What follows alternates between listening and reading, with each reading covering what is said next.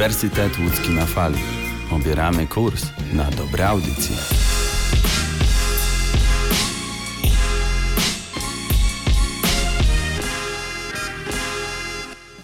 Ach, ta dzisiejsza młodzież. Zero kultury. Dziadek, co ty gadasz? My jesteśmy kulturystami. Kulturyści w UE na fali. 25 kwietnia, niedziela, godzina 17 i UE na fali. A witałem się z Państwem Wiktor Stańczyk. I Damian Zagórski. Witają Was kulturyści. Mm, Dzisiaj powiemy o piłce nożnej. Wracamy do tematu piłki i powiemy sobie o małej aferze. W zasadzie to nie małej, bo w sumie cały świat o tym e, mówił, e, związaną z Superligą i myślę, że wrócimy jeszcze chwilę do kąciku Milanu. Także dzisiaj tematy ciekawe, różnorodne i myślę, że nie będziecie się nudzić. Także zostańcie z nami.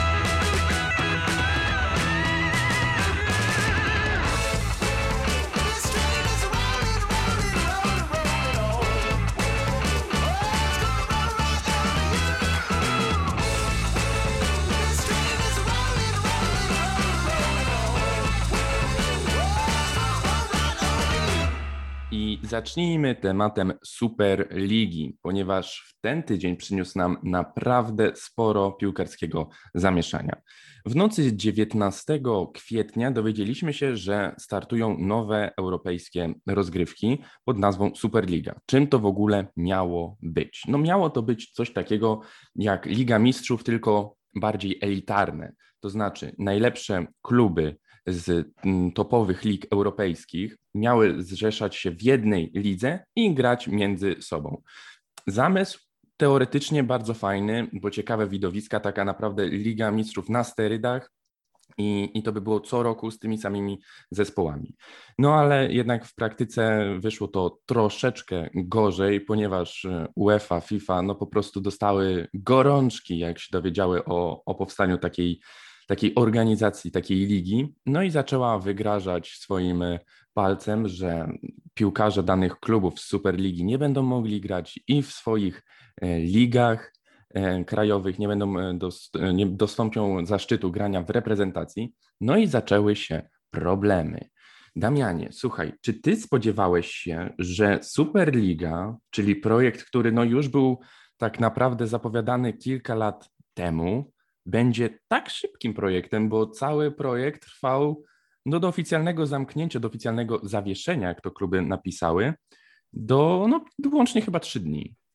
Tak, to trwało trzy dni i szczerze żyjemy w takich czasach i w takiej erze futbolu, że przeżyliśmy nawet nowy format który miał być przełomowym projektem w piłce nożnej. Przeżyliśmy początek jego i przeżyliśmy jego koniec. A to wszystko stało się właśnie w trzy dni, o których wspomniałeś.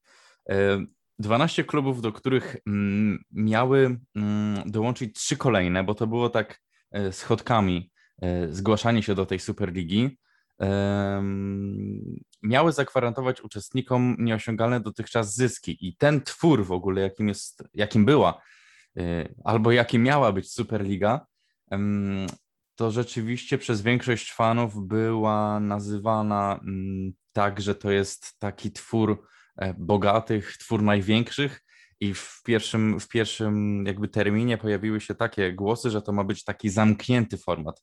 Więc w sumie drużyny, które uczestniczyły w Superlidze, nie mogłyby e, później grać w Lidze Mistrzów, a piłkarze z poszczególnych klubów nie mogliby wspierać reprezentacji na e, Mistrzostwach Świata czy Europy. Jednak później oczywiście troszkę się władze tej Superligi wymigały. E, Florentino Perez chyba na konferencji też stwierdził, że to nie jest tak, że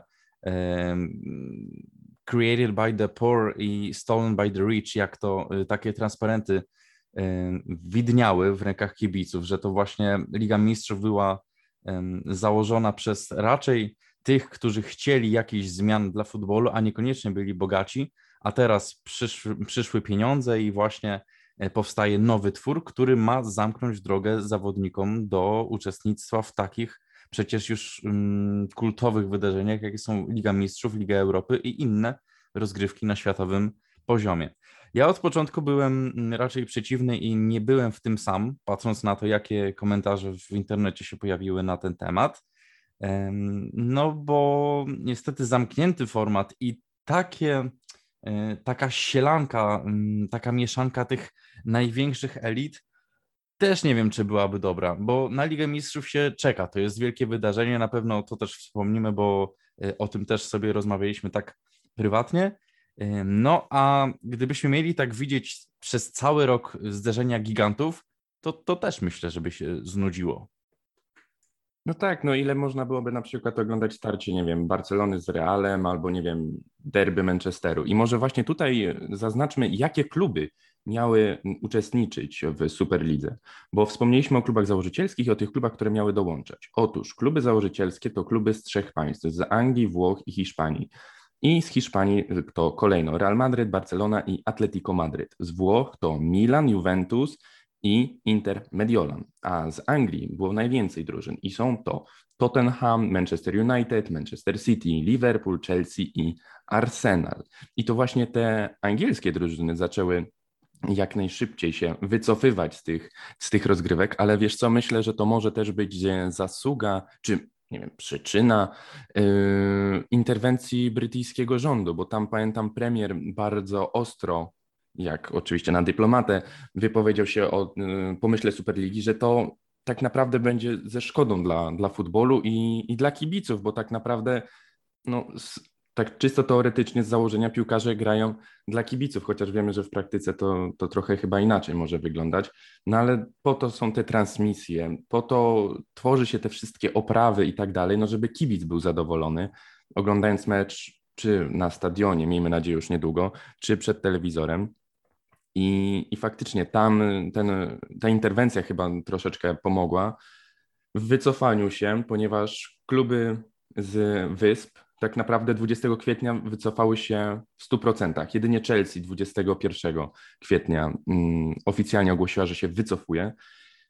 I szczerze mówiąc, wtedy to tych drużyn już tam praktycznie nie zostało, no bo jak wspomniałem, drużyny angielskie dominowały w Superlidze.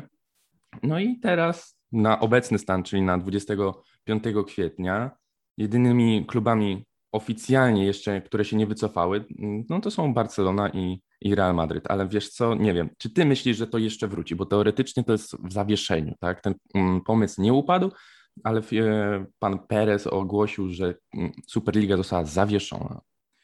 Mm, Myślę, że to nie wróci. Nie chciałbym, żeby to wróciło. E, Wspomniałeś, że Barcelona i Real Madryt zostały właśnie na, na polu bitwy z tych drużyn, które się zgłosiły. Ja nie wiem, czy to jest coś takiego, że przedstawiono może klubom i całemu światu piłkarskiemu nowy projekt, który oczywiście wiąże się z wielkimi e, zarobkami, z wielkimi pieniędzmi.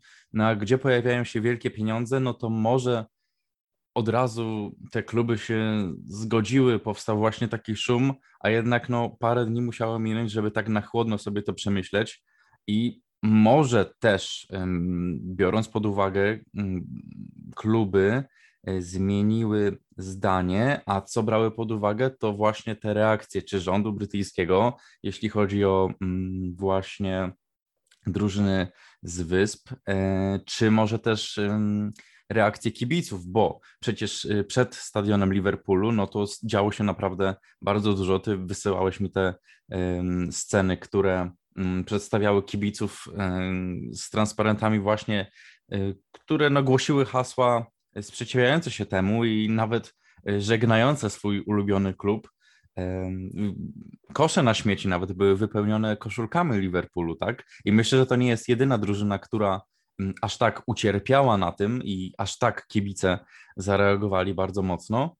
I ja myślę, że taka mocna reakcja jest y, uwarunkowana tym, że każda dyscyplina sportu ma swoją historię i tak naprawdę to nie jest tylko głupie granie w piłkę czy granie w inną dyscyplinę sportu, tylko to jest pewnego rodzaju świętość, która, jak widać, no raczej nie może być naruszona i rozumiem frustrację kibiców, bo e, format Ligi Mistrzów, Ligi Europy i wszystkie rozgrywki, powiedzmy takie ligowe, no to to już taki przyjęty format i każdy wie, czego się spodziewać.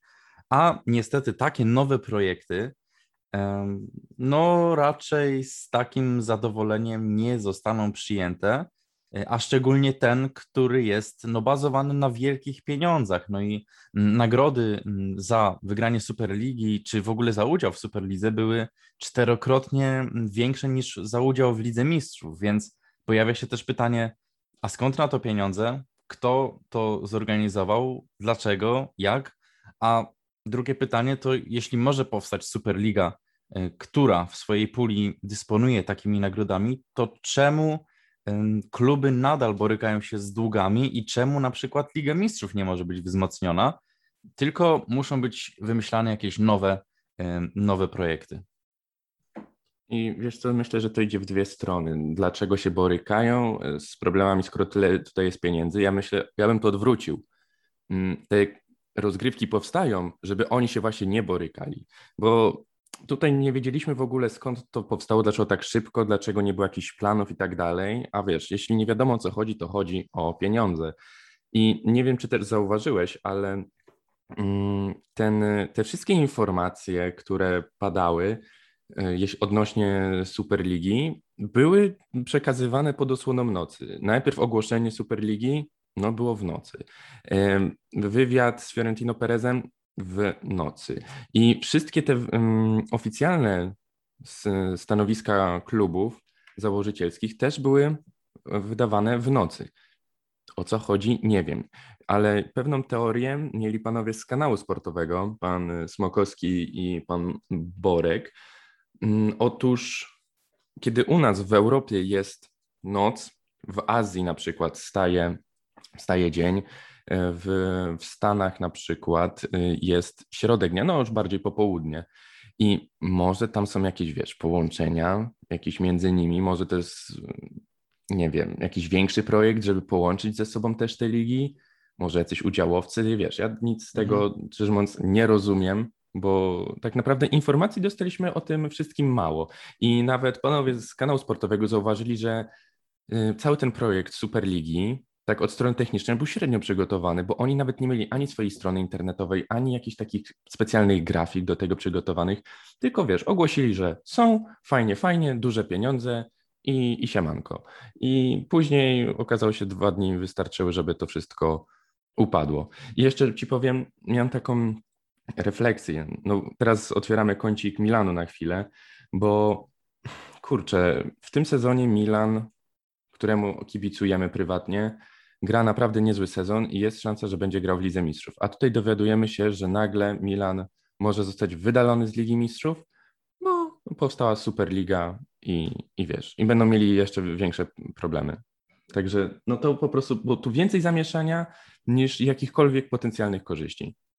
Więcej, więcej i to prawda, że dostaliśmy mało informacji, tak jak mówisz, nie było nawet y, jakiejś strony internetowej, czy takiego miejsca, w którym byłoby wszystko skondensowane i podane ludziom, którzy się interesują lub ludziom, którzy chcą się właśnie zainteresować.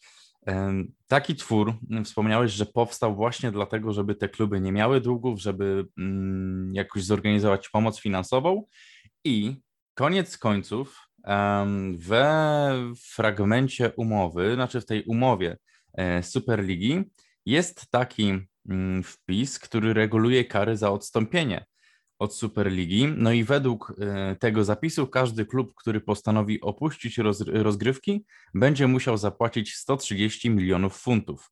No i jeśli już kluby się zgłosiły mm, i myślały o tym, że może ta inicjatywa wesprze ich finansowo, no to teraz tak naprawdę stracili bardzo, bardzo dużo więcej. No i powstało takie naprawdę zamieszanie, bo myślę, że można się tam zgłosić mm, w celu pozyskania większej ilości pieniędzy, w celu pozyskania spa- wsparcia finansowego. No a niestety widać, że ten projekt upada, wszystkie kluby się wycofują, no to my też się wycofujemy. No, ale jednak dostaniemy mm, taką karą, że będziemy musieli zapłacić jeszcze więcej. No i wiesz, na polu bitwy została Barcelona i Real Madryt i nie znam chyba drużyny, która byłaby tak zadłużona jak Barcelona.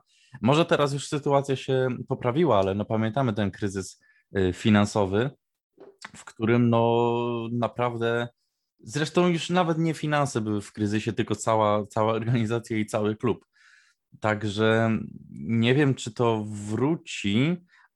No, ale jeżeli nie wróci, no to niestety kary się posypią. No i y, z tego trzydniowego zamieszania, ym, no myślę, że jeszcze będzie się długo ciągnęła taka, taka tam energia za tą Superligą i jednak kluby będą musiały płacić ym, z- zadośćuczynienie może za, za próbę udziału w tym projekcie. No nie wiem, jak myślisz. Kurczę, wiesz co, ja myślę, że tu jest więcej niewiadomych tak naprawdę i coś tutaj spekulować, to trzeba by było być albo pracownikiem z któregoś z tych klubów, albo naprawdę trzeba byłoby mieć wielkiego farta. Ewentualnie Mhm. można byłoby być jeszcze, nie wiem, jasnowidzem, na przykład Jackowskim, chociaż u niego to z tymi widzeniami to tak średnio trafia, ale no nieważne.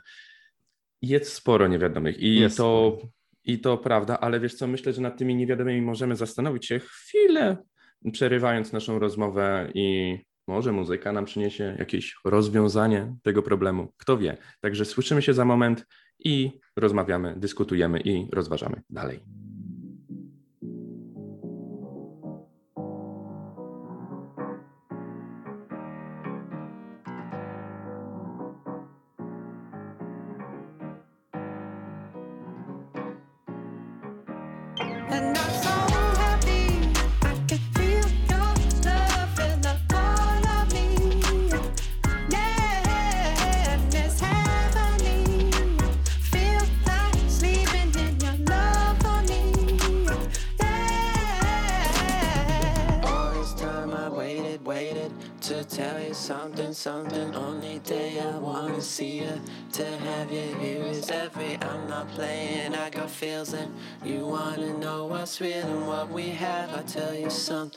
Only get to know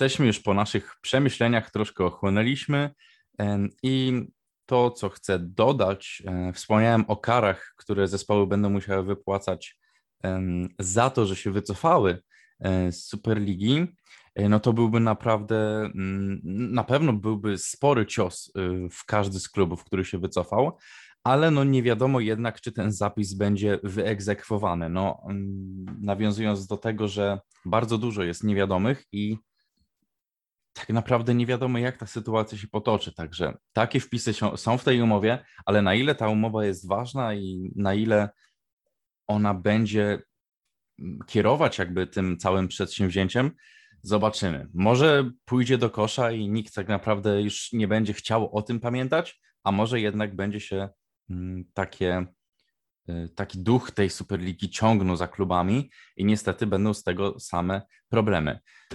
Zobaczymy, nie wiemy, na niewiadomych nie pracujemy, chociaż y, przypomina mi to bardziej pracę Znajdź X, tak matematycznie, bo tu naprawdę niby wielki projekt ogólnoświatowy, a bardzo mało konkretny.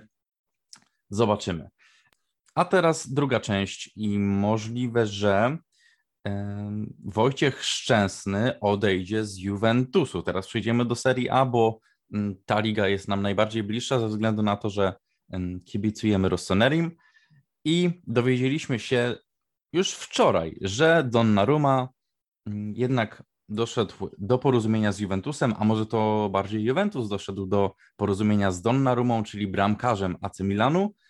No i na mocy tego porozumienia Donnarumma będzie przyszłym bramkarzem Juventusu. A jak wiemy w Juventusie Turyn Wojciech Szczęsny mm, stoi na bramce. Co teraz z nim będzie? Wiktor, masz jakiś pomysł? Kurczę, wiesz co, myślę, że to jest pokłosie takich kiepskich, można powiedzieć, występów Wojtka. Widać jakoś taki, jakiś spadek formy. Czy to jest chwilowe, czy, czy niestety może Wojtek chyli się ku końcowi, chociaż w to wątpię, ale no wiesz, spekulujemy w pewien sposób, no bo nie siedzimy w głowie Wojtka i nie widzimy go też na treningach, jak, jak to wszystko funkcjonuje. Ale faktycznie myślę, że w tym sezonie w tym okienku transferowym, teraz w wakacje, może dojść do pewnych roszad na, na miejscu bramkarza. I tym najbardziej prawdopodobnym ruchem ze strony Juventusu jest pozyskanie Donnarumy z Milanu, co dla nas niestety nie jest zbyt szczęśliwą informacją, ponieważ no, Donnarumma, jeśli chodzi o linię defensywy w Milanie, no, był pewnego rodzaju ostoją i był też przyszłością tego klubu, bo jest od nas starszy tylko o rok, a gra na, naprawdę na najwyższym poziomie i teraz chyba jest jednym z najdroższych bramkarzy, ponieważ przed nim jeszcze bardzo, bardzo długa kariera, jeśli zdrowie dopisze. I kurczę, wiesz co, no Milan jest szansa, będzie grał prawdopodobnie. Już wszystkie znaki na niebie mówią, że będzie, będzie Milan w Lidze Mistrzów, jeśli oczywiście nie będzie żadnych kar i tak dalej, jeśli odnośnie tej Superligi. Ale wracając do jakby do tych transferów. Milan planuje sprzedać jeszcze, jak wiemy, Romagnolego, czyli no też głównego obrońcę, chociaż oni tam się będą wymieniać jeszcze z Chelsea, bo ma przejść Tomori, ma być zakontraktowany i tak dalej. Nie wiem, nie wiem jak to do końca wyjdzie, bo na razie żaden klub nie zajął ostatecznego stanowiska. My wiemy jakieś, mamy, znamy tylko jakieś przecieki, że tutaj agent jednego zawodnika kontaktował się z klubem i, i tak dalej. Czy, czy to dojdzie do skutku? Wiesz, Messi teoretycznie w tamtym roku już był dogadany z trzema klubami i też było słychać nawet pogłoski, że a może nawet Milan i kto wie, może teraz. Wiesz, no oczywiście tam Chelsea, Boże Chelsea, Manchester City był najbardziej prawdopodobny, ale jednak widzisz, Messiego oglądamy jeszcze w, w La Lidze w Barcelonie. Także jeśli nie będziemy, nie dostaniemy oficjalnego stanowiska, to my do końca nie będziemy wiedzieć, czy oni przejdą, czy nie przejdą. Ja sobie życzę tego, żeby Donnarumma został, ale jeszcze tutaj przed, przed nagrywaniem naszego podcastu dyskutowaliśmy na ten temat, a może dojdzie do wymiany na linii Milan-Juventus i wymienią się po prostu Szczęsny za Donnarumę, no oczywiście tam za dopłatą, E, ale, ale kto wie, no może byśmy teraz mieli Polaka po raz kolejny w, w barwach naszego ukochanego zespołu. Kto wie, myślę, że fajnie by było gościć y, Polaka właśnie w składzie mm, czarno-czerwonych i To by było ok. Ja tak powiedziałem, że Donnarumma będzie, powiedziałem tak stanowczo, że będzie bramkarzem Juventusu. No, jak wiadomo, na 100% jeszcze nie wiemy, natomiast już takie porozumienie e, miało miejsce. No i rzeczywiście trochę mnie wytrąciłeś z tej mojej pewności, bo już tak naprawdę Messi też był dogadany z innymi klubami, a tu proszę, jednak historia pot- potoczyła się inaczej i Messi nadal gra w Barcelonie. Tego też byśmy sobie życzyli, żeby Donnarumma jednak został, ale tak myśląc obiektywnie i tak na chłodno, no to myślę, że tutaj wszystko się zazębia, bo wiemy, że Juventus pl- planował wielkie przebudowy, wielkie roszady w składzie, praktycznie takie przemielenie, może tak to nazwę składu, na nowo budowanie drużyny i rzeczywiście do tej transformacji ym, pozyskanie takiego bramkarza, jaki jest, y, jakim jest Donnarumma, no to naprawdę byłoby bardzo dobrym ruchem. No i na pewno pozbawiłoby to Wojciecha Szczęsnego mm, uczestnictwa w, w bramce, znaczy wyjścia w pierwszym składzie. Zobaczymy. Wspomniałeś też o lekkim kryzysie Wojtka i nie, nie każdy występ jego był na takim poziomie, jaki by tego on sam sobie życzył, ale też i Juventus by tego sobie życzył. Zobaczymy, ale dzieje się i myślę, że wiele takich transferów i wiele takich wiadomości napłynie jeszcze do nas przed okienkiem transferowym i będziemy to śledzić i będziemy, myślę, że o tym mówić, bo to naprawdę ciekawe rzeczy i już za parę lat myślę, że te drużyny i w ogóle futbol troszkę inaczej będzie wyglądał.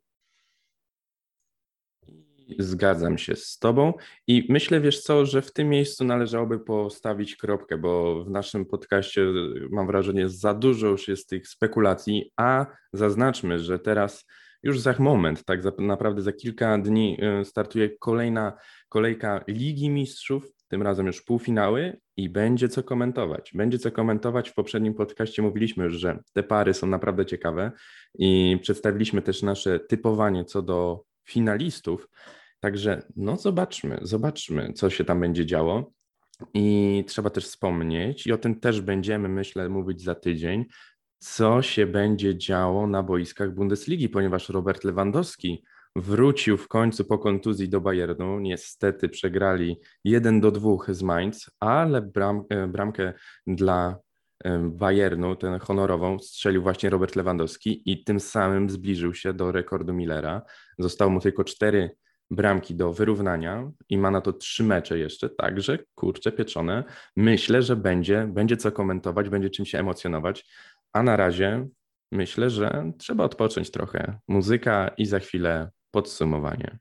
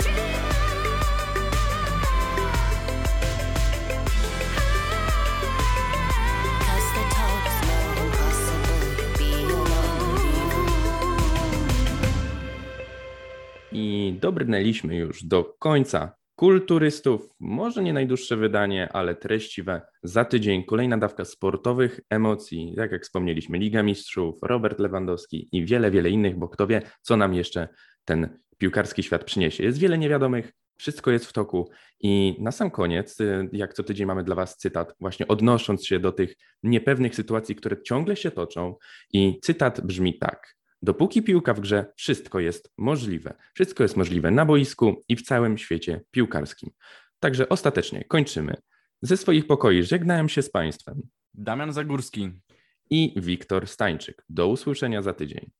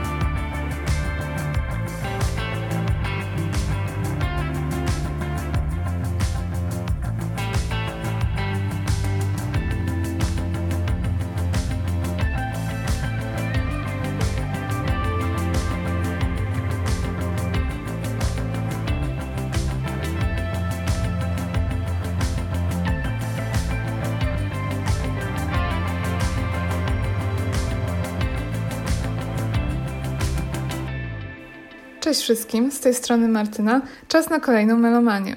W tym odcinku przeniesiemy się do lat 80. i rytmicznego świata muzyki ska, ponieważ dzisiejszym tematem będą Madness i ich składanka największych hitów Complete Madness, wydana 23 kwietnia 1982 roku. Madness to moim zdaniem jeden z najciekawszych zespołów w historii muzyki. Możecie powiedzieć, że to naciągane stwierdzenie, lecz nie da się zaprzeczyć temu, że muzycy stworzyli absolutnie unikatowy styl, przez co ich twórczość niezwykle trudno pomylić z kimkolwiek innym. Ich brzmienie bazuje na stylu ska, który wyodrębnił się w drugiej połowie lat 50. w Kingston na Jamajce i dał podwaliny pod powstanie rocksteady i reggae. Przez wiele lat ska było zarezerwowane głównie dla jamajskich jazzmenów i kojarzone z czarnoskórymi artystami. I to właśnie Madness, obok takich zespołów jak The Specials czy The Beat, jako pierwsi przenieśli ska do mainstreamu, mieszając je z punk rockiem, z którego to połączenia zrodził się gatunek two-tone, zwany inaczej drugą falą ska. W siedmioosobowym składzie każdy z muzyków jest nie tylko częścią całości, lecz też wybitnym indywidualistą, mającym równoważny wkład w proces twórczy. Ich odrębność podkreślają sceniczne pseudonimy, wpisujące się w karykaturalny wizerunek formacji, przez niektórych nazywanej Blues Brothers z angielskim akcentem. Madness są jednym z nieodłącznych symboli brytyjskiego przemysłu muzycznego i właśnie w swojej ojczyźnie cieszą się największą popularnością. To do nich, aequo z formacją UB40, należy znamienny rekord ilości tygodni spędzonych w notowaniu UK Singles Charts przez całą dekadę lat 80., aż 214. Z tym, że naszym dzisiejszym bohaterom udało się dokonać tej sztuki w znacznie krótszym czasie. Ponadto są laureatami wielu branżowych wyróżnień, a w 2000 roku zdobyli prestiżową nagrodę Ivor Novello za wybitną kolekcję utworów. Przez charakterystykę zarówno swojej twórczości, jak i wizerunku scenicznego, Madness są odzwierciedleniem brytyjskości i być może dlatego w Polsce nie otrzymują tyle zainteresowania, na ile zasługują. Kto z nas bowiem nie zna wielkiego hitu Our House? Problem jedynie w tym, że pewnie nie wszyscy wiedzą, że to piosenka Madness. W karierze każdego zespołu muzycznego, któremu udało się osiągnąć sukces, przychodzi moment na skompletowanie składanki największych przebojów. Jest to przypomnienie zarówno sobie, jak i słuchaczom swoich wcześniejszych dokonań. Madness chyba są sentymentalni. Przez cały okres działalności wydali bowiem aż 15 takich kompilacji, z czego ostatnią całkiem niedawno, bo w marcu bieżącego roku. Jak skupię się na tej pierwszej, czyli Complete Madness z 82, wcześniej jednak opowiem o wydarzeniach, które do niej doprowadziły. Grupa powstała w 1976 roku w Londynie jako The North London Invaders. Oryginalny skład tworzyli Mike Barson, Chris Foreman oraz Lee Thompson. Wkrótce dołączyli do nich John Huster, Chas Smash i Dick Ron-Talley. Rok później, podczas improwizowanego koncertu w czasie imprezy u wspólnego kolegi, panowie zaprosili do zespołu Grahama McPhersona, obecnie lepiej znanego jako Sax, który przejął rolę wokalisty. Przez pewien czas muzyka nie stanowiła dla nich priorytetu, przynajmniej dla niektórych. Cała siódemka, choć z różnym natężeniem, pasjonowała się piłką nożną i część z nich często zamiast na próbę wolała pójść na stadion Chelsea Londyn i oglądać ulubioną drużynę w akcji. Te różnice w systemach wartości skutkowały licznymi konfliktami i roszadami w składzie. W tym ostatecznym składzie, w którym zaczęli działalność profesjonalną, znaleźli się Foreman, Barson, Thompson, Sachs, Smash oraz Dan Woodgate i Mark Bedford. W tym samym czasie rewolucję przechodziła także nazwa formacji. Przez kilka miesięcy brzmiała ona na przykład Morris and the Minors, w końcu stanęło na Madness, na część jamańskiego artysty reggae Prince'a Bastera, którego uwielbiali, i jednego z jego utworów. Jest to wyjątkowo udana nazwa. Madness to po angielsku szaleństwo, co trafnie opisuje zespół, ponieważ spójność jego wizerunku i twórczości polega na tym, że wszystko jest dozwolone. Nazwa jest też dowodem na to, że muzycy podchodzą do swojej pracy i do samych siebie z ogromnym dystansem i mają poczucie humoru, które chętnie wykorzystują w tekstach, teledyskach, na sesjach zdjęciowych czy koncertach. Teledyski Madness to w ogóle temat na odrębną odpowiedź.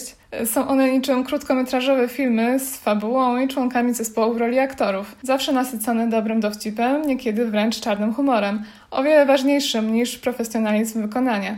Przeważnie stanowią one parodie, na przykład stereotypowej brytyjskiej rodziny mieszkającej na przedmieściach, jak w teledysku do Our House, a także angielskiego społeczeństwa, środowiska kibiców piłkarskich czy konkurencyjnych artystów. Poza tym muzycy genialnie odgrywają scenki rodzajowe z życia codziennego, często nawiązując do tekstów piosenek i opisanych w nich śmiesznych wydarzeń rozkrywających się w szkole, w sklepie, podczas egzotycznej podróży, na ulicach Londynu, a nawet zamieniają się w przysłowiowych policjantów i złodziei. Scenkom towarzyszą obowiązkowo odpowiednie przebrania i przerysowana gra aktorska, dzięki czemu efekt przywodzi na myśl sketcha Monty Pythona. I jest autentycznie zabawny, bo zabawni są Madness ze swoim wyglądem, gestykulacją i mimiką. Widać również, że oni sami świetnie się bawili podczas kręcenia, co nadaje takiej naturalności. Co warto podkreślić, panowie absolutnie się do tego nie ograniczali, bowiem przeszli do historii kultowego muzycznego programu telewizyjnego Top of the Pops, przenosząc fabułę, scenografię i kostiumy ze swych teledysków do studia BBC, wobec czego ich występy należały do najbardziej efektownych. Jeżeli nie widzieliście, to naprawdę warto to obejrzeć. Hołd swojemu idolowi, Prince'owi Busterowi, Madness złożyli ponownie w kwietniu 79, kiedy wydali debiutancki singiel pod tytułem The Prince.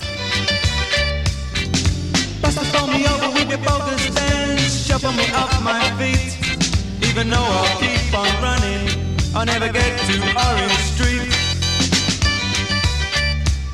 Był on ukoronowaniem pierwszego pasma sukcesów. Zespół regularnie koncertował w Camden Town w Londynie, co przyniosło im pierwszych fanów.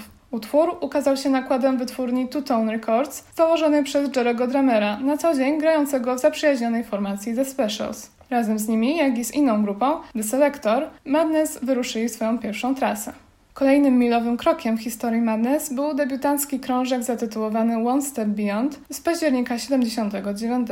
Od niego zaczęła się współpraca zespołu z punkową wytwórnią Steve, trwająca do połowy lat 80. Muzycy ponownie udowodnili, że są zagorzałymi fanami Bastera. Tytułowy utwór to cover piosenki po raz pierwszy nagranej w 1964 roku właśnie przez jamańskiego artystę. Krążek dotarł do drugiego miejsca listy UK Charts, a w notowaniu utrzymywał się przez imponujące 78 tygodni, czyli był tam obecny nawet po pojawieniu się kolejnych wydawnictw Madness. One Step Beyond opatrzono słynną okładką. Przedstawia ona zdjęcie, na którym panowie po raz pierwszy wykonują charakterystyczny dla siebie ruch, tzw. Nutty Train. Motyw ten pojawi się później wielokrotnie na kolejnych okładkach i w teledyskach. Kontynuacją była wypuszczona 5 miesięcy później epka Work, Rest and Play, na której singiel przewodni wybrano Nightboat to Cairo. Podobne sukcesy osiągała druga płyta Absolutely z września 80 roku. Z niej pochodzi największy dotychczasowy przebój zespołu Baggy Trousers, którego tekst stanowią wspomnienia z lat szkolnych. Oh,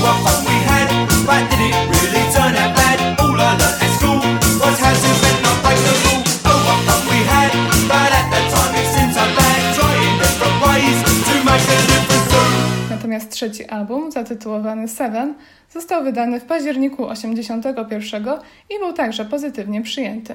Słuchając go, można odczuć delikatną zmianę brzmienia w stronę pop, nadal jednak znajdującego się pod silnym wpływem ska. W tym samym miesiącu swoją premierę miał film Take It or Leave It, fabularyzowany dokument, oczywiście z dużą dozą komedii, przedstawiający losy Madness od początku istnienia. Obraz wyreżyserował Dave Robinson, współwłaściciel wytwórni Steve oraz autor większości teledysków grupy, dlatego już bez oglądania filmu można sobie wyobrazić jego styl. Robinson na spółkę z członkami zespołu sami sfinansowali produkcję. Take It or Leave It możemy usłyszeć zarówno muzykę z trzech poprzednich krążków, jak i nagrania z koncertów, wersje demo oraz niepublikowane wcześniej utwory. Ponadto w 1981 roku Madness wzięli udział w Dance Craze, dokumencie o muzycznym nurcie Two-Tone, a ich kawałki stanowiły większość ścieżki dźwiękowej. Zgromadzony do tej pory materiał i uznanie, jakie przyniósł on Madness, wystarczyły, aby skompletować składankę największych hitów. To trochę taki standard w muzycznym świecie, że z kompilacjami czeka się właśnie do zrealizowania trzech płyt. I jeśli wszystkie utrzymują wysoki poziom i cieszą się popularnością, to właśnie jest ten moment, a przynajmniej tak było w latach 80. Najczęściej też takie składanki zapowiada jakiś nowy singiel, którym w tym przypadku stała się kompozycja It Must Be Love, wydana 25 listopada 1981 roku. love,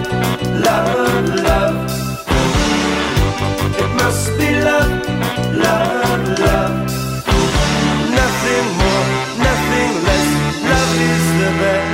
Jest to cover utworu z 1971 roku, oryginalnie w wykonaniu Labiego Sifra, brytyjskiego kompozytora i poety, lecz znacznie szerzej znana w interpretacji Madness. Artysta pojawił się gościnnie w teledysku w roli skrzypka. Resztę wideo natomiast stanowi zlepek surrealistycznych scen, m.in. muzyków stojących nad grobem czy grających pod wodą. Na szczęście gitarzysta Chris Foreman ostrzega widzów, aby pod żadnym pozorem nie naśladowali tego, co zobaczą. Ta urocza piosenka o miłości z genialną solówką Lee Thompsona na saksofonie to do dziś jeden ze znaków rozpoznawczych grupy. Kompilacja Complete Madness ukazała się 23 kwietnia 1982 roku. Pokryła się ona platyną i dotarła na szczyt listy UK Chart, co nigdy wcześniej Madness się nie udało, a w notowaniu pozostawała aż przez 99 tygodni. Wysokie miejsca zajęła także w Australii, Holandii i w krajach skandynawskich. Wydawnictwo wzbogacono sfilmowanymi wypowiedziami muzyków, zbiorem teledysków oraz japońską reklamą samochodów Honda, w której wystąpił zespół. W zestawieniu pojawiło się najwięcej kawałków z debiutanckiego albumu, a dokładnie sześć, z których najbardziej znany to z pewnością My Girl, jeden z pierwszych skomponowanych razem przez zespół. Why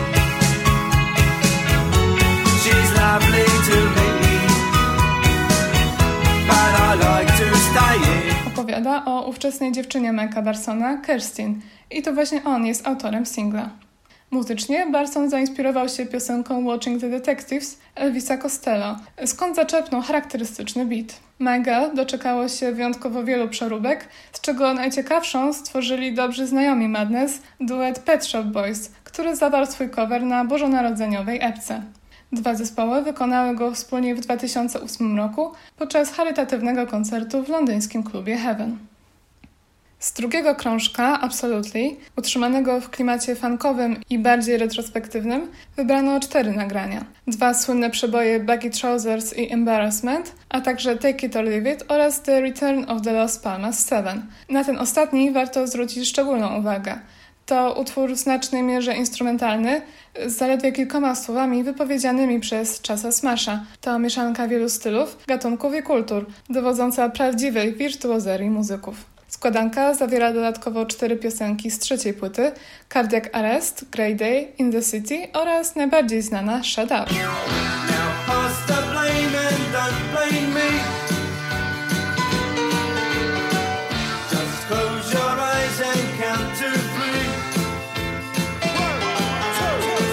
Opowiada ona historię przestępcy, który mimo oczywistych dowodów próbuje przekonać ludzi, że nie jest winny. Towarzyszący jej teledysk przedstawia zespół przebrany najpierw za grupę kryminalistów, a później za funkcjonariuszy policji, ścigających wokalistę Saxa, który gra złodzieja samochodów. Na Complete Madness znalazł się jeszcze jeden nowy utwór, House of Fun, zrealizowany jako singiel 14 maja 1982 roku. To jedyny w dorobku Madness numer jeden listy UK Singles Charts. Jest on utrzymany w złożonej, lecz brzmieniowo optymistycznej aranżacji. W zabawny sposób opowiada o okresie dojrzewania i przeróżnych przywilejach, jakie zyskujemy wraz z osiągnięciem pełnoletności. Równie komiczny teledysk w stylu Monty Pythona został nakręcony m.in. w sklepie zabawkami, aptece i na kolejce górskiej w Great Yarmouth. Sachs powiedział w jednym z wywiadów, że zespół jechał kolejką 54 razy, zanim reżyser był wreszcie zadowolony z rezultatu.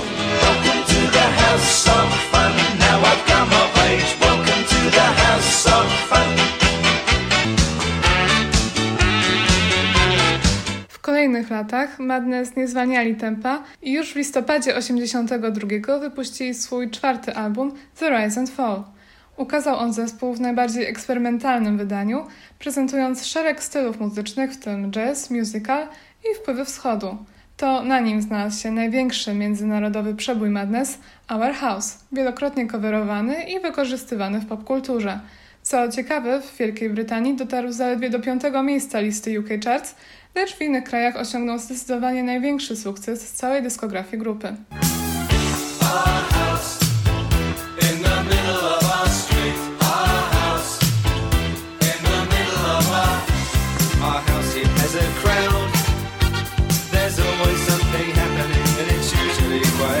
Regularne nagrywanie materiału trwało do 1988 roku, natomiast na 11 kolejnych lat Madness zawiesili działalność, czego powodem nie były żadne konflikty wewnętrzne, ale po prostu spadek ich popularności i zmęczenie intensywnym trybem życia. Powrócili w oryginalnym składzie w 1999 roku z krążkiem Wonderful i od tej pory dalej tworzą.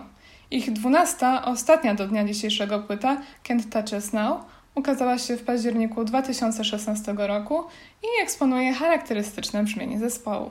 To już wszystko w tym odcinku Melomanii. Mam nadzieję, że zainteresowałam Was chociaż trochę muzyką Madness, ponieważ, tak jak mówiłam na początku, moim zdaniem zasługuje ona na znacznie większą uwagę. Tymczasem do usłyszenia. Stacja kryminał.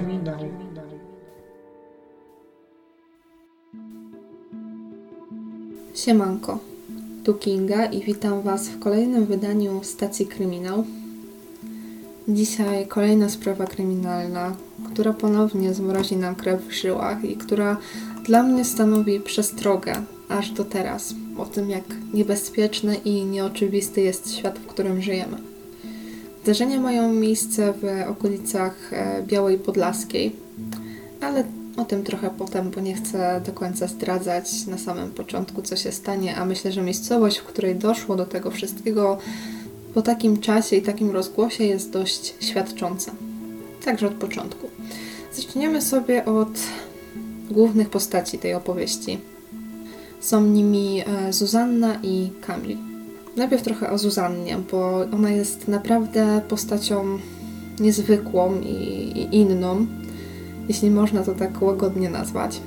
Zuzanna jest nastolatką, chodzi do liceum, ale jest zdecydowanie nieprzeciętna, bo Nie można jej zarzucić braku inteligencji, nie można jej zarzucić tego, że w jakiś sposób jest głupia czy odstaje. A mimo to mm, często wagaruje, nie chodzi na zajęcia, nie chodzi do szkoły, jest trochę takim problematycznym dzieckiem, co troszeczkę wynika z tego, że wychowuje ją mm, samotnie matka. A w zasadzie to nie tyle wychowuje, co po prostu jest jej opiekunką, bo głównie zajmują się nią dziadkowie.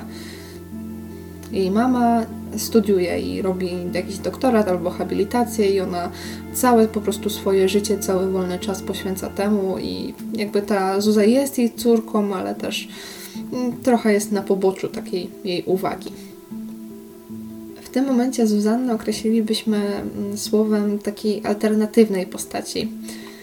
Ona ubierała się dość ciężko, mm, trochę siedziała w takich depresyjnych, smutnych, czarnych klimatach.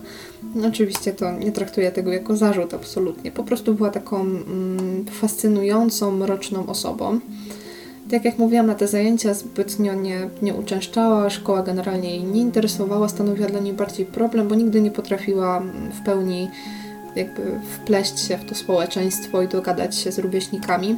Miała jakieś swoje grono przyjaciół, ale jakoś nie trzymało jej to w szkole. Zuza natomiast nie jest tak kompletnie odcięta jakoś od tej edukacji i od tego życia, ponieważ jest takim uosobieniem artystki. Ona pisze wiersze, jest e, bardzo emocjonalna i generalnie poprzez te wiersze zdobywa nawet e, całkiem spory jak na małą miejscowość w Polsce rozgłos. Ona chyba miała swoją stronę internetową i te jej wiersze były nawet przez niektórych fanów zamieniane w piosenki, także można to na pewno nazwać jakimś sukcesem. I przechodząc do drugiej postaci, jest to Kamil. Kamil to jest taki typowy, normalny, porządny, cichy chłopak. W zasadzie niczym szczególnym się nie wyróżnia, jest sympatyczny, ma dość spore grono znajomych, uczęszcza do szkoły, do liceum, co może się też wiązać z tym, że e, jego mama jest tam nauczycielką języka chyba rosyjskiego, więc coś go w tej szkole trzyma, ale też to jest po prostu bardzo taki spokojny i porządny chłopak. Wiadomo, czasami jakąś tam lekcję czy dwie może ją minie, ale raczej trzyma się w szkole, trzyma się zasad, nie uczy się wybitnie, ale naprawdę, naprawdę w porządku, osiąga dobre wyniki w nauce. Także taka dość nietypowa para, bo właśnie parą byli. A przynajmniej według niektórych źródeł i niektórych przekazów, które z tej historii mamy, bo kolejną ciekawostką o Zuzannie jest to, że mm, Zuzanna była albo osobą homoseksualną, albo osobą biseksualną. To ciężko to tak naprawdę stwierdzić, bo wszystko zaczyna się od tego, że Zuza ma dziewczynę, mm, taką swoją przyjaciółkę i mm, taką bliską przyjaciółkę, no tak jak mówię, partnerkę. I mm, między nimi dochodzi do rozłamu wtedy, kiedy okazuje się, że mm, Ola, bodajże, partnerka mm, Zuzanny ma 14 lat, a Zuza ma 18. Może z jakiegoś punktu widzenia 4 lata różnicy to nie jest dużo, ale biorąc pod uwagę, że Zuzanna jest pełnoletnia, a Ola uczęszcza do gimnazjum, sytuacja staje się mocno nie w porządku według e, rodziców nieletniej.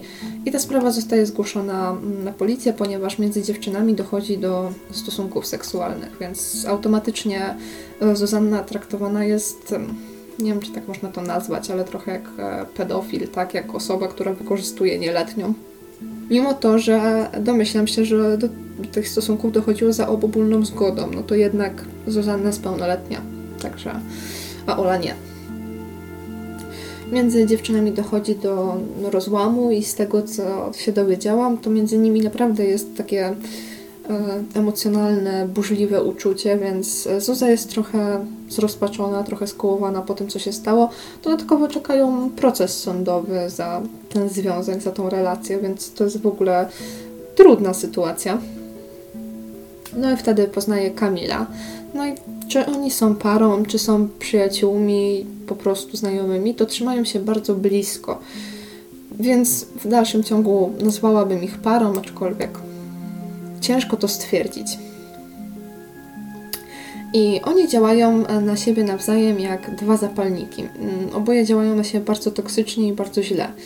Nie przez to, że są złymi ludźmi, tylko po prostu ta relacja trochę tak działa, bo Zuza wyzwala w Kamilu to, co najgorsze. On przestaje się interesować szkołą, zaczyna puszczać lekcje, porzuca starych przyjaciół e, na poczet tej relacji z Zuzanną i generalnie jego życie strasznie się zmienia i zmieniają się też jego stosunki z rodzicami, które przedtem były naprawdę dobre.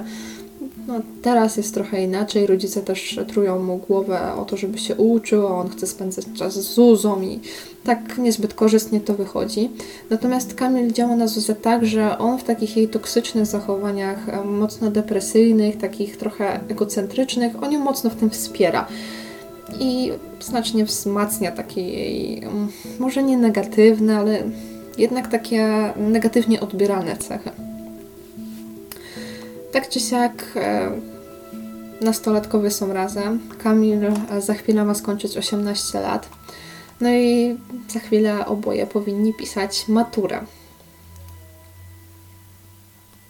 Rodzice Kamila są załamani, bo chłopak kompletnie przestał się uczyć, nawet groziło mu chyba e, niezdanie z jakiegoś przedmiotu bądź dwóch. Mm, Nie stawiał się na próbnych maturach. Generalnie o tej maturze jakoś już tak przestał wspominać i nie wyrażał nią, w nią zaangażowania.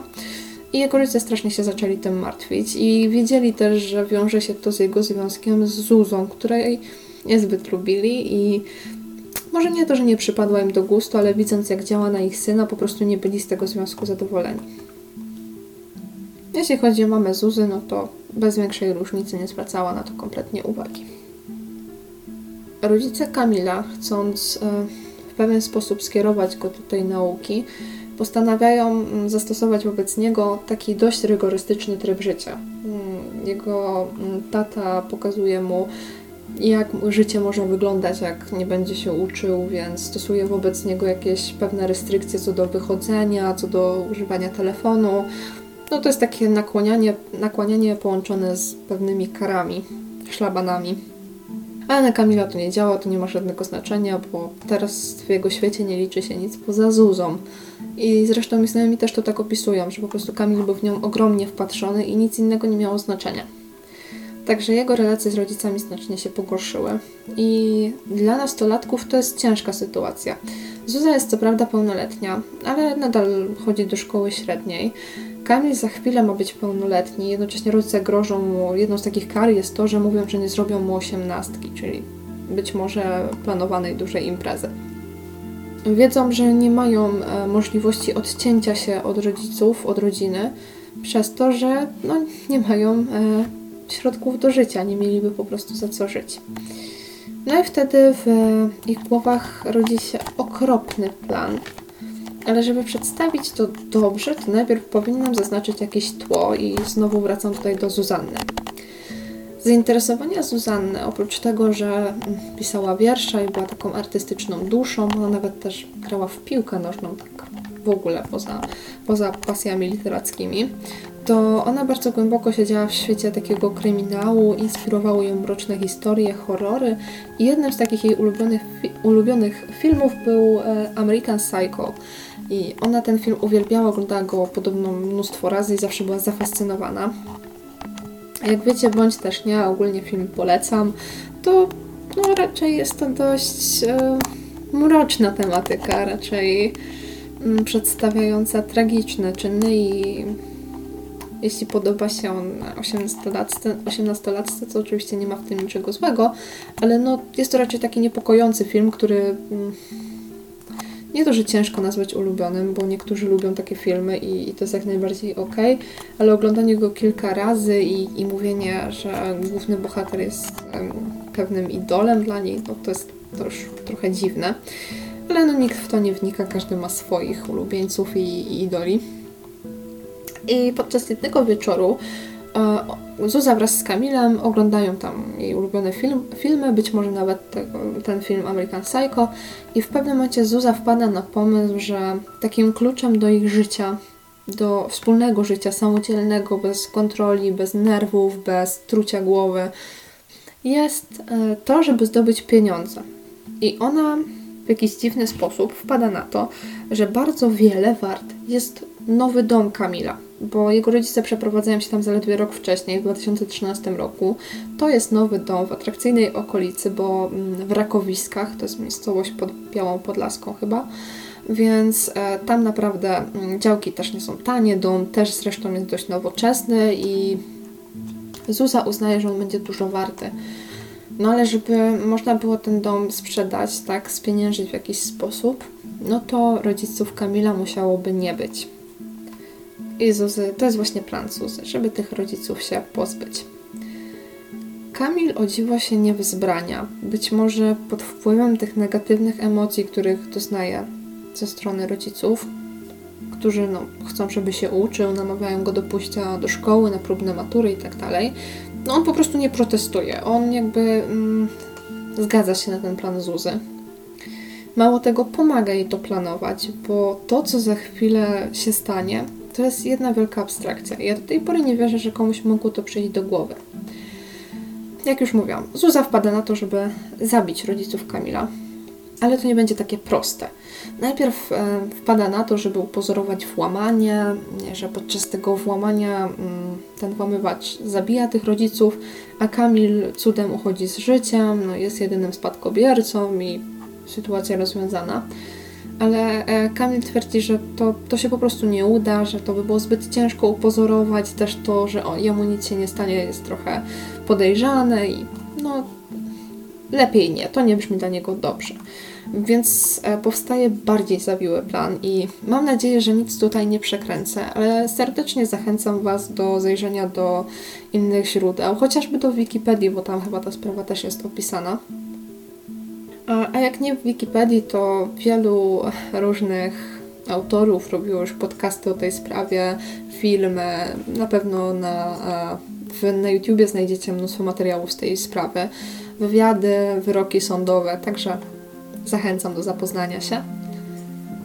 Zuza wpadła na pomysł, że mm, na początku muszą wymyślić sobie alibi. I takim alibi ma być e, jakiś koncert w Krakowie, który znajduje się kilkanaście, kilkaset kilometrów od Białej Podlaskiej.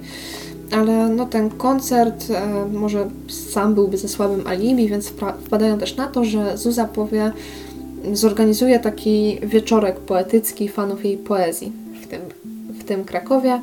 I to będzie jej alibi, no będzie ją widziało mnóstwo osób tego wieczoru i jeszcze będą na koncercie, z którego będą mieć bilety i mnóstwo osób ich tam zobaczy i to jest jej pomysł. A jednocześnie, no oni zabiją w tą noc tych rodziców, a ich tam tak teoretycznie nie będzie nawet wtedy w Białej Podlaskiej czy w tych Rakowiskach. Pojawia się pierwszy problem, no bo jak dostać się do Krakowa, potem szybko do Białej Podlaskiej, a potem znowu do Krakowa, żeby tam spędzić noc. Pociąg trochę nie wchodził w grę, no bo wiązało się to z tym, że dużo osób w tym pociągu by ich widziało w te dwie, trzy, czy nawet już cztery strony. Mm, I też na dworcach, e, czy nawet w pociągach teraz w tym momencie, nie wiem jak w 2014 roku, ale podejrzewam, że no, można było liczyć na dość dobry monitoring, więc, więc to absolutnie odpadało. Wtedy Zuza przypomniała sobie, że oni kiedyś na jakimś festiwalu poznali um, jakiegoś kolegę, znajomego, który ma prawo jazdy i samochód, jest dobrym kierowcą i może on za jakąś tam opłatą mógłby ich przewieźć.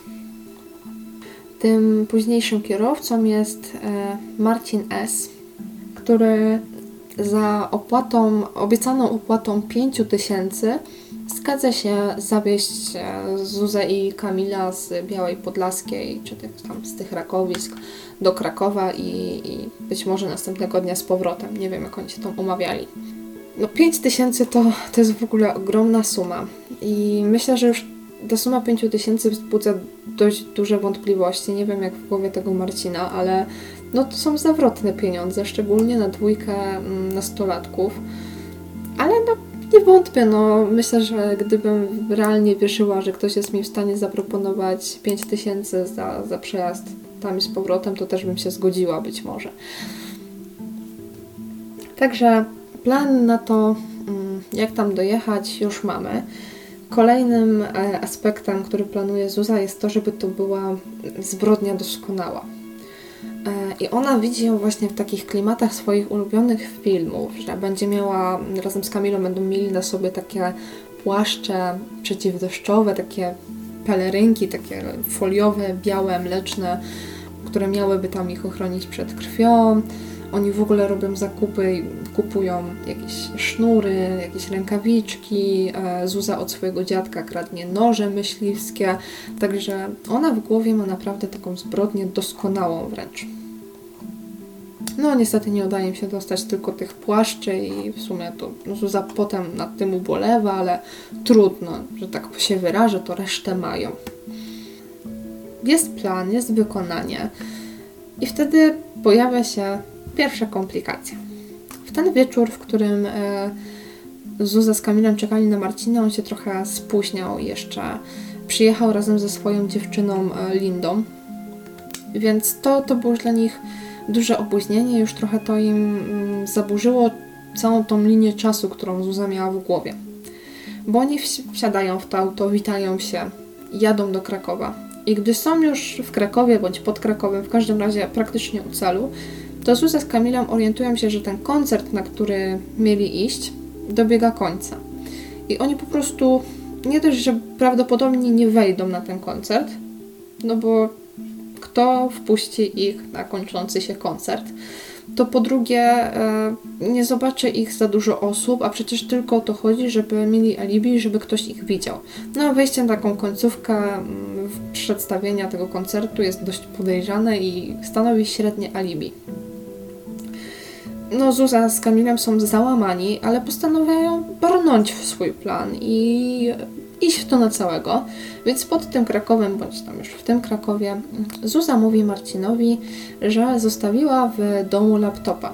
A ona bez tego laptopa nie może pojawić się na jakimś tam spotkaniu fanów jej poezji, bo ona musi im pokazywać te wiersze i ten laptop jest jej w ogóle niezmiernie potrzebny i ona no, nie widzi tego spotkania bez tego laptopa. Marcin pyta, no czego ode mnie oczekujesz? Na co Zuza odpowiada, że muszą wrócić. Więc oni to kilkaset czy tam kilkanaście kilometrów muszą wrócić z, powrot, z powrotem do Białej Podlaski. No i Marcin mówi, że w ogóle nie ma takiej opcji, bo już i tak jest ciemno, już i tak jest wieczór bądź noc i to w ogóle nie ma sensu. Na co Zuza z Kamilem oferują mu, że zapłacą mu podwójnie, czyli za te kursy, które on wykona, dadzą mu 10 tysięcy. No to w ogóle 5 tysięcy to jest zawrotna kwota, a 10 tysięcy to, to jest taka kwota, że ten Marcin mógłby całą Polskę przejechać kilkanaście razy, więc ja nie wiem, jakim cudem to nie wzbudza żadnych podejrzeń. Może ta wizja zarobku mm, trochę przyślepia, no ale okej, Marcin zgadza się i oni wracają z powrotem do Rakowisk. Jest noc. E, Marcin e, parkuje pod domem Kamila, bo on myśli, że to jest dom Zuzy. No, skąd miałby wiedzieć, że to nie jest dom Zuzy? I Zuza mówi, że e, ona wychodzi razem z Kamilem, że idą po tego laptopa, ale że może im się trochę zejść w tym domu, bo jeszcze chciałaby się odświeżyć, zabrać kilka rzeczy. No tak, ogarnąć się po prostu przed ponowną drogą. Marcin z Lindą mówią, że okej, że poczekają. No i Zuza z Kamilem idą ku domowi. Jest ciemno, jest noc, wszędzie panuje cisza. Kamil e, otwiera drzwi kluczem. No i kolejną przeszkodą, która się pojawia, jest e, pies Kamila, taki naprawdę jego pupil, przyjaciel. On szczeka, no ale Kamilowi udaje się go jakoś tam uspokoić i on go zamyka w jakimś pomieszczeniu, żeby im nie przeszkadzał. Następnie, będąc na dole, postanawiają, wyjmują wszystkie rzeczy, tak, które są im potrzebne do tego czynu i e, postanawiają, że Zuza zajmie się tatą Kamila, a Kamil e, zabije swoją matkę. Wchodzą po cichu do sypialni i pojawia się kolejny problem, kolejne zamieszanie, bo Kamil nie wie, po której stronie śpi który rodzic, więc oni się tam jeszcze chwilę miotają. A jak już e, w końcu docierają do jakiegoś porozumienia, to stają z tymi nożami, z tym wszystkim nad rodzicami Kamila, odliczają od trzech, no i zaczynają swój makabryczny akt. Zuza wraz z Kamilem zadają tym rodzicom kilkanaście ran kłutych tym nożem. Oni się w trakcie budzą, i zaczynają walczyć o życie. Pojawia się kolejna no, pseudo-komplikacja, mianowicie e, fakt, iż tata Kamila jest dużym, postawnym mężczyzną. Zdecydowanie silniejszym od Zuzy, zdecydowanie większym i jakkolwiek okrutnie to zabrzmi, to te dźgnięcia nożem nie, nie były w stanie od razu go zabić i powalić i on naprawdę miał ogromną wolę walki.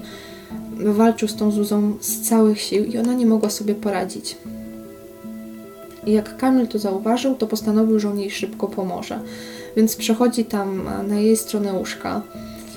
Zuza po prostu makabruje tego ojca. On trochę makabruje mm, Zuzę.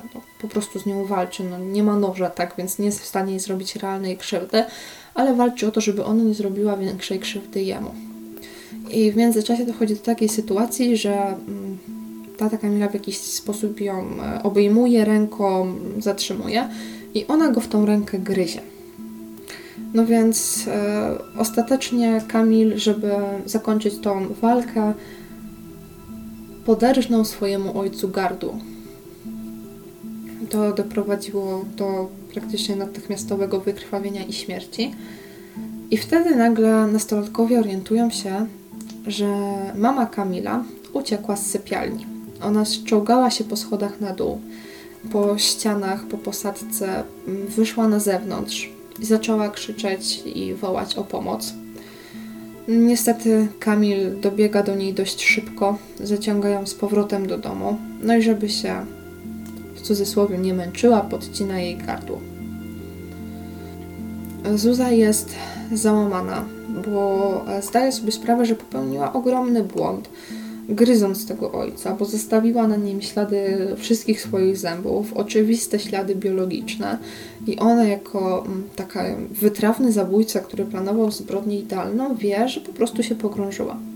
Razem z Kamilem postanawiają mm, odciąć tą rękę temu ojcu, co nie jest łatwe, bo ona go nie ugryzła gdzieś w nadgarstek czy mm, w okolicach ręki, tylko w przedramię, więc oni dość wysoko tą rękę zaczynają odcinać, co oczywiście im się nie udaje, bo oni mieli e, w zanadrzu noże myśliwskie, a to była ludzka ręka i kość, więc ostatecznie im się to nie udaje. Niektóre bardziej szczegółowe źródła świadczą o tym, że oni z tym kawałkiem skóry, w który mm, ugryzła go Zuza, coś zrobili. Inni mówią, że po prostu zostawili tą rękę w spokoju i ogarnęli się i wyszli. Nie wiem jak było, nie jestem w stanie do tego dojść i szczerze to chyba nie chcę, bo to naprawdę jest przerażające. Gdy oboje rodziców nie żyje, miejsce zamienia się w miejsce zbrodni, wszędzie jest pełno krwi i tak naprawdę pełno dramatu, to Zuza z Kamilem zaczynają się ogarniać, gdzieś tam się trochę oczyszczają, starają się uprzątnąć ślady, które zostawili i po prostu, jak gdyby nigdy nic, wychodzą na zewnątrz. Patrzą dookoła, nigdzie nie widzą e, samochodu Marcina, więc są załamani. Popełniają kolejny błąd. I tym błędem jest, no ja wcześniej o tym nie wspomniałam, ale mm, jak zaczęli wracać do tej Białej Podlaskiej, to Zuza z Kamilem wyłączyli telefony, żeby mm, nie logować się do sieci tam w pobliżu domu, tak, w tych rakowiskach czy w pobliżu ich miasta, żeby cały czas te telefony widniały tylko w Krakowie, w którym mieli być. No a jako, że nie było samochodu Marcina pod domem, to oni musieli te telefony włączyć, a przynajmniej jeden i do niego zadzwonić, żeby podjechał. Okazuje się, że Marcin nie odjechał daleko, po prostu no, zniecierpliwił się razem z tą Lindą, że ich tak długo nie ma, że jest noc, że to w ogóle jakieś żarty, że oni sobie tam wchodzą i nie wiadomo co robią, a oni muszą na nich czekać, jeszcze jest pewnie e, zimno. No ale nie odjeżdżają daleko i wracają po Zuzę i wracają po Kamila. Oni e, wkładają jeszcze coś do bagażnika, siadają tam na tylne siedzenie, no i Linda jest zaskoczona, bo oni są po prostu cali brudni. I ciężko jest na pewno mm, stwierdzić, w czym oni byli brudni, no ale też w czym mogli. I ona pyta ich o co chodzi, na co pada najgłupsze wytłumaczenie, jakie w ogóle chyba w życiu słyszałam. Bo Zuza z Kamilem mówią, że oni jak weszli, wzięli tego laptopa i się ogarnęli, to oboje zgłodnieli i postanowili mm, oprawić jakieś tam mięso, które upolował jej dziadek, czy tata, czy kogo ona tam podała.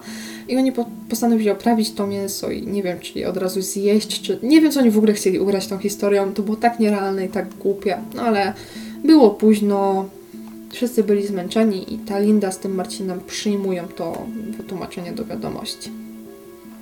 Jadą wszyscy do tego Krakowa, docierają tam. Na koncert już jest, wiadomo, dawno za późno, więc Kamil z Zuzą od razu udają się do umówionego noclegu, bo mieli spać u koleżanki Zuzy i pukają do drzwi. Ta koleżanka otwiera. Jest późno w nocy. Oni są cali brudni we krwi, wyglądają na poobijanych, po prostu no jak osoby, które jednak jakiś dramat przeszły. I ona zmartwiona pyta się, co się stało. Na co Zuza odpowiada, że ktoś napadł ich na dworcu, że zabrał im pieniądze, że ich okradł i doszło tam do jakiejś bijatyki. Generalnie ciekawa sytuacja.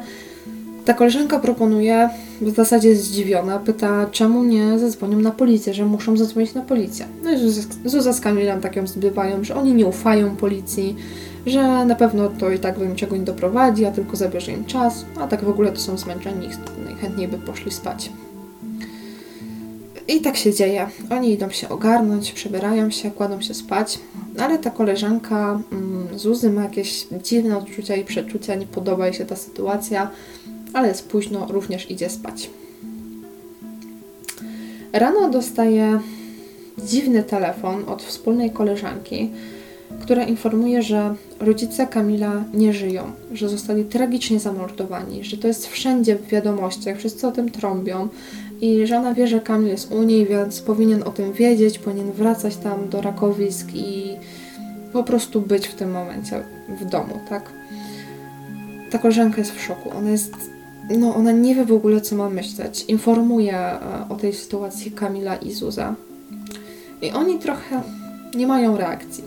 Ania, już nie mówię o Zuzie, która być może nie, nie była jakoś bezpośrednio, nie powinna być bezpośrednio z tym związana, ale Kamil jako dziecko tych rodziców, on nie, on nie wyraża radości, ale nie wyraża też smutku, nie wyraża złości, szoku. Jest taki może nie obojętny, ale taki bardzo stabilny jak na tą sytuację. On mówi, oni mówią, Boże, nie wiedzieliśmy. I na tym się tak naprawdę kończy. I ta koleżanka, mając silne przeczucia, że coś jest nie tak, postanawia zadzwonić na policję. I ja podejrzewam, że może nie tyle w celu, mm, może nie naskarżenia, ale nie tyle w celu zawiadomienia, że coś jest nie tak, mm, jak tyle, że no, nastolatkowie są teraz u niej, jest Kamil, e, syn mm, tragicznie zamordowanych i oni w nocy przyszli cali brudni, zakrwawieni, pojawili się u niej, sytuacja jest dla niej dziwna, ona czuje się z tym niekomfortowo, no i prosi e, o przyjazd, o, o, esko- odeskortowanie tych, tej młodzieży do, z powrotem do domu. Policja szybko porozumiewa się między sobą, ta z Białej Podlaskiej i ta z Krakowa. I u tej koleżanki patrol zjawia się bardzo szybko. Nie jestem pewna, czy oni już wtedy mm, aresztowali Zuzę i Kamila. W każdym razie zabrali ich ze sobą. Zaczęli przesłuchania. Jako, że tak naprawdę w tej zbrodni nie było nic doskonałego, tak jak marzyła Zuza. To bardzo szybko udało się ustalić wydarzenia, chociażby przez te logowania telefonów do sieci i przez jeszcze jeden fakt, którego nie zauważyli, który pominęli, a który był bardzo istotny. Mianowicie taki, że mama Kamila, uciekając wtedy na zewnątrz, na dosłownie moment, zaplamia całą elewację krwią. I tej krwi jest tam dużo. Więc sąsiedzi, jak tylko rano wstają, to, to zauważają tą sytuację. Sytuację, zauważają te ślady, tak? Są zaniepokojeni. Żadnego z tych rodziców, z tych sąsiadów, którzy w tym domu mieszkają, nie widać na zewnątrz, więc oni zawiadamiają policję. Policja trafia na świeże miejsce zbrodni, pełnego odcisków palców, pełnego śladów tego, co się tam stało. Jednocześnie mm, sposób, w jaki zostali zabici rodzice Kamila, świadczy o zbrodni, mm, o podłożu emocjonalnym, zbrodni w afekcie. Widać, że po prostu to, to nie było tak, że ktoś wszedł tam z zamiarem mm, rabunku czy włamania, tylko ktoś wszedł tam po to, żeby ich zabić. I to było oczywiste. W miejscu jest też pełno śladów biologicznych i policja niemalże natychmiastowo odkrywa, co się stało. Wszyscy są w szoku. policja nie może w to uwierzyć, e, media nie mogą w to uwierzyć, ludzie z telewizorów, z gazet nie mogą w to uwierzyć, sąsiedzi, bliscy, znajomi, rodzina, nikt nie może w to uwierzyć, bo to są młodzi ludzie, którzy dokonali czegoś tak okrutnego, że nie da się tego opisać, chociaż właśnie próbowałam, to wydaje mi się, że i tak nie udało mi się tego oddać, jak okropne to było. Jak nie trudno się domyślić, e, sprawa bardzo szybko trafia do sądu. I wyrok też w zasadzie pozostaje mm, oczywistością, bo oboje, i Zuza i Kamil, zostają skazani na 20 lat pozbawienia wolności z możliwością mm, ubiegania się o warunkowe zwolnienie najwcześniej po 20 latach. Dla dwójki tak młodych osób oznacza to, że oni wyjdą z więzienia przed 40. Jakkolwiek może to abstrakcyjnie teraz zabrzmi, to ominą ich najlepsze lata życia. Nie chcę mówić tutaj i dobrze, bo, ale chociaż ciśnie mi się to trochę na usta, to jednak no kara jest duża i wydaje mi się, że jest odpowiednia co do czynu, który został popełniony. Co do samej rozprawy, to mniej więcej właśnie na sali sądowej, przed tymi e, rozprawami w trakcie, do Kamila to wszystko dociera, bo on przez te kilka mm, tygodni, dni, w które przebywał tam na komisariacie, w sądzie, w e, areszcie, on jest bardzo. Właśnie tak jak, jak powiedziałam wcześniej, on jest bardzo stabilny, mm, nie wyraża większych emocji, trochę tak jakby do niego rzeczywistość jeszcze nie docierała. I w pewnym momencie dociera. I on wpada w absolutny atak paniki, szał, złość, smutek, żal, wszystko naraz, bo do niego dociera, że on zabił swoich rodziców, że ich już nie ma, że on na wieczność, na zawsze wymazał ich e, z życia. Jednocześnie właśnie przez to być może Kamil okazuje w sądzie skruchę. On cały czas e, trzyma głowę nisko, płacze. Nie, żeby to coś zmieniało, aczkolwiek takie jest właśnie jego zachowanie na tej sali sądowej. Natomiast Zuza mm, reprezentuje sobą taką postać wyrachowaną, y, pewną siebie. Ona w ogóle w pewnym momencie wspomina, że najbardziej żałuje tego, że nie udało im się kupić tych płaszczy, mm, które, które chciała wykorzystać. No, potem gdzieś tam takie słowa znikają, że tego nigdy nie było. No, ona wyraża skruchę, ona mówi e, w swojej jakby mowie, tam prośbie końcowej, że ona żałuje, że, o, że to było straszne, ale tego po niej po prostu nie widać. Ona cały ten proces, cały ten proces wygląda tak, jakby cieszyła się uwagą, którą nagle dostała. Do tej pory Zuza i Kamil e, znajdują się w więzieniu mm, osobno, jedno w jednym, drugie w drugim. Oni nie są już razem, zresztą według niektórych nigdy nie byli. Kamil w więzieniu zdał maturę. Być może realizuje pewne e, marzenia rodziców. Wydaje się to w jakiś sposób sensowne. W każdym razie wykorzystuje ten czas na samorealizację. Co pewnie mu się przyda, bo mm, od razu po procesie w sprawie tego zabójstwa mm, rozpoczął się kolejny w sprawie uznania Kamila niegodnego dziedziczenia po rodzicach. Mm, O co wniosła rodzina Kamila. Myślę, że to też dość logiczny krok, bo mm, jest, taki, mm, jest takie prawo, że dziecko, które zabiło swoich rodziców, nie ma prawa dziedziczenia po nich, jest niegodnym e, dziedziczenia po nich. I tak też się dzieje w sp- sprawie Kamila, która no, ciągnie się dość długo, bo tam od tego są apelacje i on jakoby walczy o ten majątek, ale z drugiej strony wiadomo, że nie ma szans i ostatecznie tak się dzieje, że Kamil zostaje uznany niegodnym dziedziczenia. E, Właśnie tak wygląda sprawa od strony rodziny Kamila. Oni odcinają się od niego. On dla nich nie jest rodziną, nie chcą go znać, nie istnieje dla nich. Natomiast jeśli chodzi o rodzinę Zuzy, nie wiem jak jej dziadkowie, aczkolwiek jej mama nigdy nie okazała wielkiego zdziwienia tą sytuacją, ani przejęcia. To można pod... jej postawę można podsumować słowami, że no Zuza jest jaka jest, tak, że no, ona, nie, ona nie wątpi, że tak mogło być, że szkoda e, jej mm, młodości na to więzienie, no ale no, nic nie da się zrobić, tak. I taka jest w zasadzie postawa mamy Zuzy. I to jest koniec tej makabrycznej sprawy. Mm, Sprawy, w której dwoje ludzi traci życie. I to nie przypadkowych ludzi, bo to są rodzice, którzy tracą życie z rąk własnego dziecka. To jest tak okrutne i tak niewiarygodne, że ciężko się o tym mówi i ciężko się o tym myśli. A tak właśnie było. Sprawa jest straszna. Straszne jest też to, że to nie jest najstraszniejsza sprawa, o której słyszałam. Bo o takiej jeszcze kiedyś Wam opowiem, jeśli zbiorę się na odwagę. Kto wie, może już niedługo. Trzymajcie za mnie kciuki. Ja też trzymam za Was. Uważajcie na siebie i pamiętajcie, że zło czai się wszędzie.